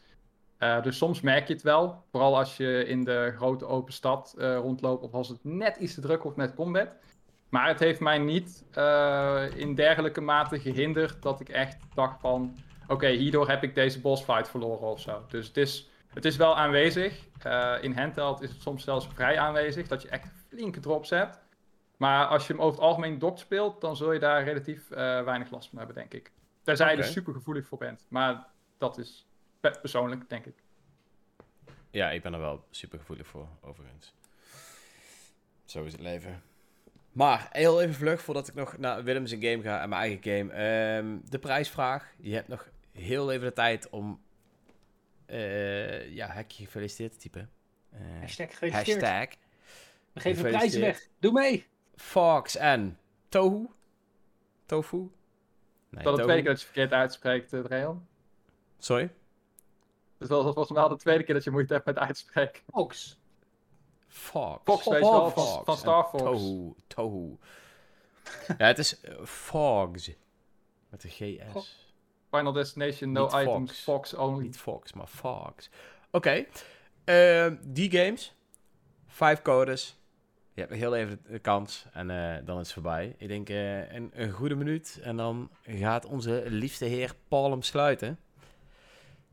Dus, dat heeft terzijde. Vertel Willem, snel, over je, verstel snel over je game. Willem, Oh, wat speel jij? vertel over mijn game. Ehm, ja, dan zit ik even goed te denken. Um, ik, over, kijk, over eentje okay. kan ik kort zijn. die heb ik geplaatst nog net toen de nieuwe website live ging. preview voor de Great Ace Attorney Chronicles. Um, ik heb daar de eerste en de derde cases voor de preview mogen doorspelen. Oh, ik ben zo blij dat Ace Attorney terug is. Je merkt gewoon dat. Ja, je merkt gewoon dat. Um, laat ik zo zeggen, de originele schrijver van de eerste drie Ace Attorney's games hield zich daarna eigenlijk alleen maar bezig als producer. Voor deze is hij hmm. teruggekomen als hoofdschrijver. En je merkt het in de kwaliteit van de schrijfstijl. De cases zitten vernuftig in elkaar tot dusver. Er zijn een aantal nieuwe elementen toegevoegd, waar ik helaas nog niet veel over mag zeggen. En wat vooral interessant is, is dat in de, in de courtroom cases je niet zozeer de, de judge aan het overtuigen bent, als wel een jury. Er zit een jury in de rechtbank. En die kunnen op ah. elk moment zeggen: hij is guilty of niet guilty. Oh shit. En dat geeft. Het is redelijk geanceneerd natuurlijk. Want het blijft een, een courtroom drama, visual novel. Maar de momenten waarop daardoor het tij keert is fantastisch. Je hebt eigenlijk nog een ehm, extra, extra mechanic om zeg maar meer spanning en druk toe te voegen aan de toch al. Uh, Precies, op het moment dat het gebeurt. Op het moment dat het gebeurt, denk je: Oké, we hebben hem verloren. Nee, dan mag je de juryleden gaan ondervragen en hun argumenten tegen elkaar uitspelen. dus de een zegt, oh, maar niemand doet de ramen open in de winter. Terwijl een ander jurylid zegt, ja, ik weet nog dat wij brand hadden met kerst en toen kreeg ik een snotneus. En dat je dan denkt, oh, wacht, maar dan gaat er dus een raam open als er brand was. Dus er was, nou ja, en op die manier speel je eigenlijk alles tegen elkaar uit, wat heel erg sterk werkt. Ik, ik um, moet dus heel erg daar ben ik... Ik heb nog nooit een Phoenix Wright game gespeeld. En ik denk al jarenlang, denk ik van... Wanneer komt mijn eerste game? Ik moet hem een keer spelen. Nu ik jou zo enthousiast hoor, denk ik wel... Het, het voordeel is, deze staat vrijwel op zichzelf. het is een, eh, in zekere zin een prequel 120 jaar in het, in het verleden. Het speelt zich af tijdens de kolonisering van Engeland en Japan. Dus het heeft een hele grote historische context, Victoriaans Engeland, wat voor een hele paar interessante settings oplevert, maar ook door de relatie tussen het Verenigd Koninkrijk en Japan, die heel instabiel is. Dusdanig zo dat er een hoop sociale en contextuele problematiek zich afspeelt tijdens de rechtszaak. Meermaals zit je daar als Naruhodo Ryosuke in de rechtszaal en zegt iemand tegen hem: Ik vertrouw die Oosterling daar niet met zijn shifty blik. Ah, casual racism. Ja, nee, het is niet casual. het is full-on racism en je wordt niet vertrouwd puur omdat je uit Japan komt. Ja, niet gekoloniseerd, dankjewel voor je correctie. Openen van de grenzen, maar laat ik eerlijk zijn, dit is een fictioneel universum, dus uh, ik, ik klop hem even af. Ehm, maar dit is een, volgens mij wel een prima instarter, omdat het een beetje die balans heeft tussen het uitleggen van die courtroom cases en investigations, wat een groot kernaandeel is van de Ace Attorney serie. Mhm. Ehm, ik, uh, ik, ik moet mijn review nog doen, maar daar, daar, dat zal nog heel even duren, maar ik zou uh, zeker daarvoor terugkomen als dat eenmaal zover is. Uh, tot dusver van mijn preview tijd met de game ben ik heel enthousiast. Oké. Cool. cool. Um, dat, is, dat, is, dat is dus die laat ik even hangen. De game waar ik niemand over heb gehoord tot dusver online of wat dan ook, maar ik wel heb kunnen spelen is Cyberhook. Hebben jullie gehoord van Cyberhook? Ik heb hem wel nee. voorbij zien komen, ja. Ik heb volgens mij een video, uh, een video gezien. Uh, Cyberhook is... First-person uh, grapple swinger. Het is een first-person platformer. En dan denk je, oké, okay, Mirror's Edge, Ghost Runner, whatever. Maar je hebt een hookshot. En waar je normaal zou denken, oké, ik heb een hookshot, ik klik op een punt en ik word erheen gezweept in dit geval heb je een momentum mechanic in de hookshot en moet je er zelf kiezen wanneer je hem loslaat. Dus het is een speedrunning game in een VR-achtige setting. Ze doen ik heel erg van, oh je bent in de computer gezogen en je moet ontsnappen. Ehm, maar de game draait ontzettend soepel op Switch, naar mijn beleving. Ik durf niet hier te zeggen dat hij 60 fps draait, maar sowieso een stabiele 30. En met motion blurring ziet het er ongelooflijk strak en goed uit. En hij draait als een zonnetje. En ik probeer constant mijn high scores te verbeteren. Het doel is eigenlijk gewoon simpel: bereik het einde van het level. Maar je kan het op elke mogelijke manier doen.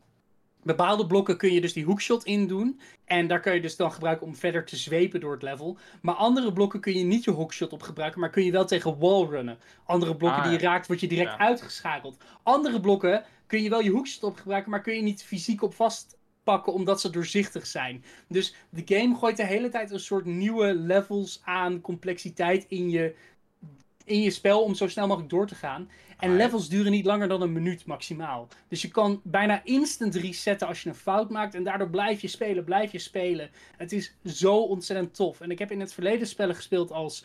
Um, je hebt A Story, uh, Story from My Uncle. Wat een beetje een soort lasso-achtige PC-narratieve game is. Maar die is heel traag. Uh, Ghost Runner heb ik op Switch geprobeerd. Maar die moet heel erg compromeren voor de grafische kwaliteiten.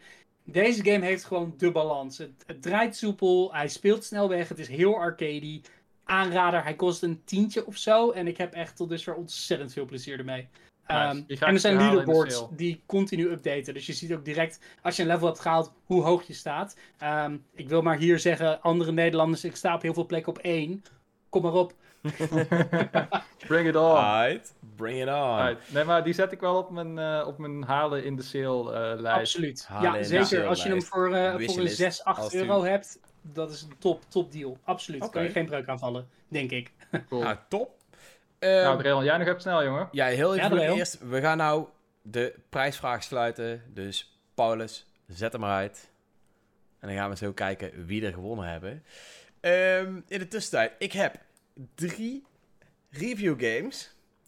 Waarvan ik over twee niet mag praten. Oh, dat is mooi. dat is dus, veel We zijn zo klaar, want mijn ene review game is namelijk The Legend of Zelda Skyward Sword. Daar hebben we net uh, al HD, 80 jaar HD. over gepraat. HD, sorry. En de andere twee games mag je niet over praten. Het is één van de twee ah. games. Uh, wat ik wel ga zeggen, en dan kun je alle podcasts op terugluisteren. Misschien dat je dan achter kan komen welke game ik speel. Maar het is een game waar ik al naar uitkijk vanaf Gamescom 2019. Dus je, dus, je, dus je wacht al een hele lange tijd voordat je hierover kan praten? Ja, ja, ja, ja. En ik wacht nog steeds een tijd voordat ik erover kan praten. Maar het is wel echt, echt een game waar ik, uh, heb ik echt zo naar uitgekeken. Uh, ik ben echt blij dat ik hem nu dan ook gewoon kan spelen en beoordeling kan geven. Ik zal heel eerlijk bekennen, ik heb het ook nog niet opgestart omdat ik Skyward Sword aan het spelen ben. Uh, ja, ik heb er wel echt heel veel zin in. Heel veel zin in. Dus, de giveaway is closed. Ik zie nog niet wie de winnaars zijn. Ik ga ervan uit dat onze lieve heer Paul dat ons zo kan laten zien. Wat, wat is de andere titel waar je niet over mag praten? Ja, waar is de hint? Waar is de hint? Er is nog een derde. Eh, ben ik heel even aan het denken hoe dat ik die het beste kan beschrijven. Want dat is een game uh, waarvan als ik daar iets over zeg, ik eigenlijk de hele uh, mechanic verklap. het is een indie game. En het is een indie game die zichzelf totaal niet serieus neemt. Um, het is een beetje arcade. Maar het is wel echt een, echt een leuke game. Ik heb het gisteren zitten spelen. Uh, mijn vriendin kwam thuis. Van, uh, die was met vriendinnen wat doen. En die zag dat ik aan het spelen was. Uh, even, even tussendoor. Die, die belde mij op in de auto. En ik was die game aan het spelen. En ik zat zo een beetje van... Oké. Okay, zat jij in de auto de game te spelen? Nee ik zat thuis, zij belde in de auto, dus ik zat zo van, oké, okay, uh, ja, ja. Ze zei, wat ben je aan het doen? Ik zei, ja, ik ben even een spelletje aan het spelen. Ja, ik merk het, je hebt echt helemaal geen tijd voor. Ik zei, nee, maar dit is echt super grappig. als, je nou thuis komt, als je nou thuis komt, moet je echt kijken. Zij kwam thuis en wij hebben ons helemaal kapot gelachen om, om, om die game. Het is echt, uh, het duurt nog wel even dat ik erover kan praten, maar als ik over kan praten, dat is echt, ik, ik heb me echt kapot gelachen. Het is echt een hele grappige game. Dus... Nice. Hey, inmiddels zijn uh, er wat mensen bekendgemaakt. Rucario has been drawn for the giveaway. Uh, hij moet het nog even claimen, zie ik, in de chat. En, uh, en we zien ook dat N1 Demin een prijs heeft gewonnen. Demin. Oh, dat zou, zou, zou ook eens een keer gebeuren. Die man wint alles. en, en Dem, Demin vraagt: Mogen jullie onderling met de redactie wel vertellen welke geheime review games jullie spelen? Uh, ja, daar kunnen we gerust even iets over vertellen. Kijk, hoe, hoe het meestal in zijn werking gaat is... Uh, Patrick is, onze man, zeg maar, die de review games binnenhaalt. Onze PR-man. Die praat met, uh, ja, met alle uitgevers. En die krijgt dan bericht van... Yo, deze game mogen jullie gaan reviewen. nou, alles op en eraan, embargo, bla bla bla bla bla bla. Dit mogen jullie wel zeggen, dit mogen jullie niet zeggen. Tot dan en dan moet het geheim blijven.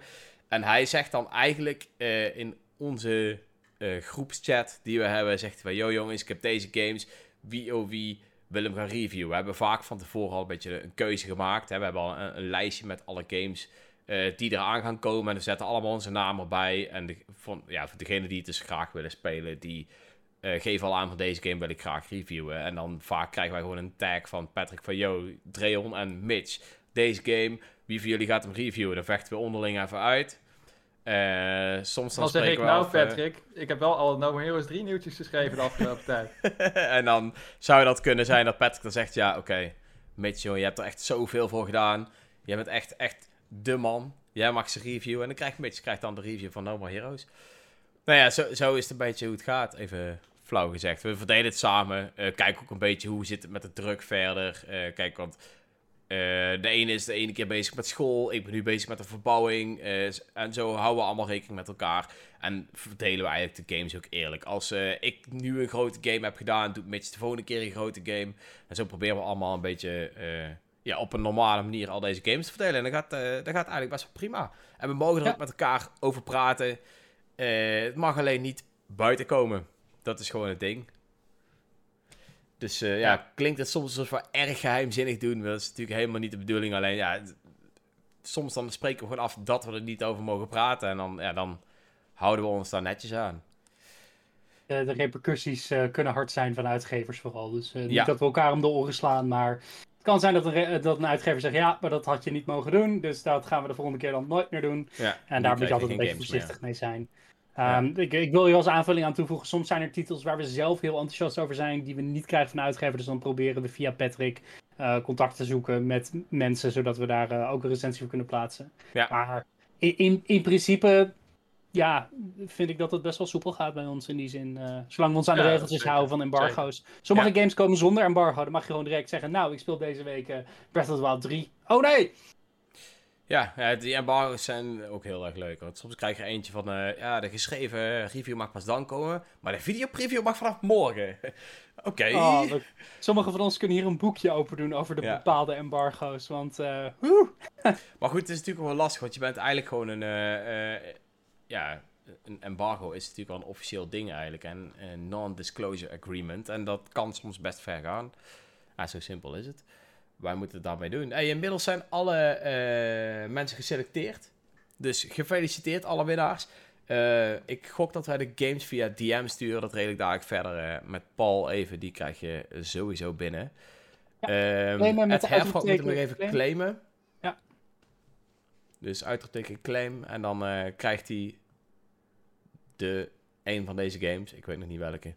En Mr. Klavat, om jouw vraag te beantwoorden, een vraag over de hoofdprijsvraag van de nieuwe website. Ja. Uh, zijn we mee bezig? Soon, TM. ja, ja, heel soon. Ja, heel soon. Heel soon. Wat waren de prijzen eigenlijk? um, je mag hem weer uitspreken, Dreon. We hadden drie oh! keer, nee, twee keer Fogs. Fogs. Pogs. Ik heb de devs ontmoet. Pogs. Pogs. Pogs. Het zijn pugs. Pogs. Pogs. Pogs. Pogs. Yes. Pogs. Poira. Pogs. Oké, nou, die in ieder geval. En Tohu. Uh, die hebben drie keer. Tohu. Tohu. Tohu. Tohu. Uh, ja, vette games. Heeft iedereen zich geclaimd? Nou, inmiddels. Volgens mij nog niet. Herfrok heeft hem nog niet geclaimd. Dus zal hij nog even moeten doen. Gaat hij het doen? Gaat hij het niet doen? Tot nu toe nog niet top jongens. Ik ben wel heel blij met deze podcast. Het was, uh, het was weer erg gezellig. We hebben het inmiddels ook al anderhalf uur gepraat. Dat is het gevaar ja, van... een uh, eh, XXL-editie. Ja, ja. ja. Dat, dat, is ook het gevaar van die live-uitzending. Want dan ga je toch... Hè? Ik heb hier een maat achter mij die steeds ongeduldiger aan het worden is. Ja, die, uh, die zit er ook maar te wachten, zien we. oh, nee, zegt oh well. Hey, um, ik weet niet of, of, de, of Herfrok hem daarna nog kan claimen. Want wij gaan nu natuurlijk uh, stoppen met onze uh, En bier drinken. En bier drinken, hoor ik daar al. Komt goed, zegt onze geliefde Paul. Die neemt uh, contact op met uh, Herfrok. Als hij op een of andere manier niet meer geclaimd wordt, dan hebben we de volgende keer nog een leuk prijsje. Dus zodoende. Hey jongens, ik wil jullie allereerst bedanken voor het aanwezig zijn. Uh, ja, was leuk, altijd gezellig. Ook wil ik onze mensen in de chat, al onze, ja, de mensen van onze geliefde community bedanken voor het aanwezig zijn. Ik vind het ook echt heel erg leuk dat sinds onze nieuwe website live is, dat, dat, dat heel die community gewoon lekker mee over is gegaan. En voor mijn gevoel nog meer, eh, ja, nog actiever is geworden. Vind ik echt, eh, echt Ja. geweldig. Het voelt echt goed. Ja, Shout-out naar jezelf. Shout-out naar jezelf. Heel leuk. Ook wil ik eh, de vriend van Mitch bedanken die achter hem zit te wachten. Want die, eh, ja, bedankt voor het aanwezig zijn op onze uitzending. En, eh, Dat doet hij graag. oh kijk, nou, mooi. nou, en tot de volgende keer mensen. Yo, Later. Later. Later.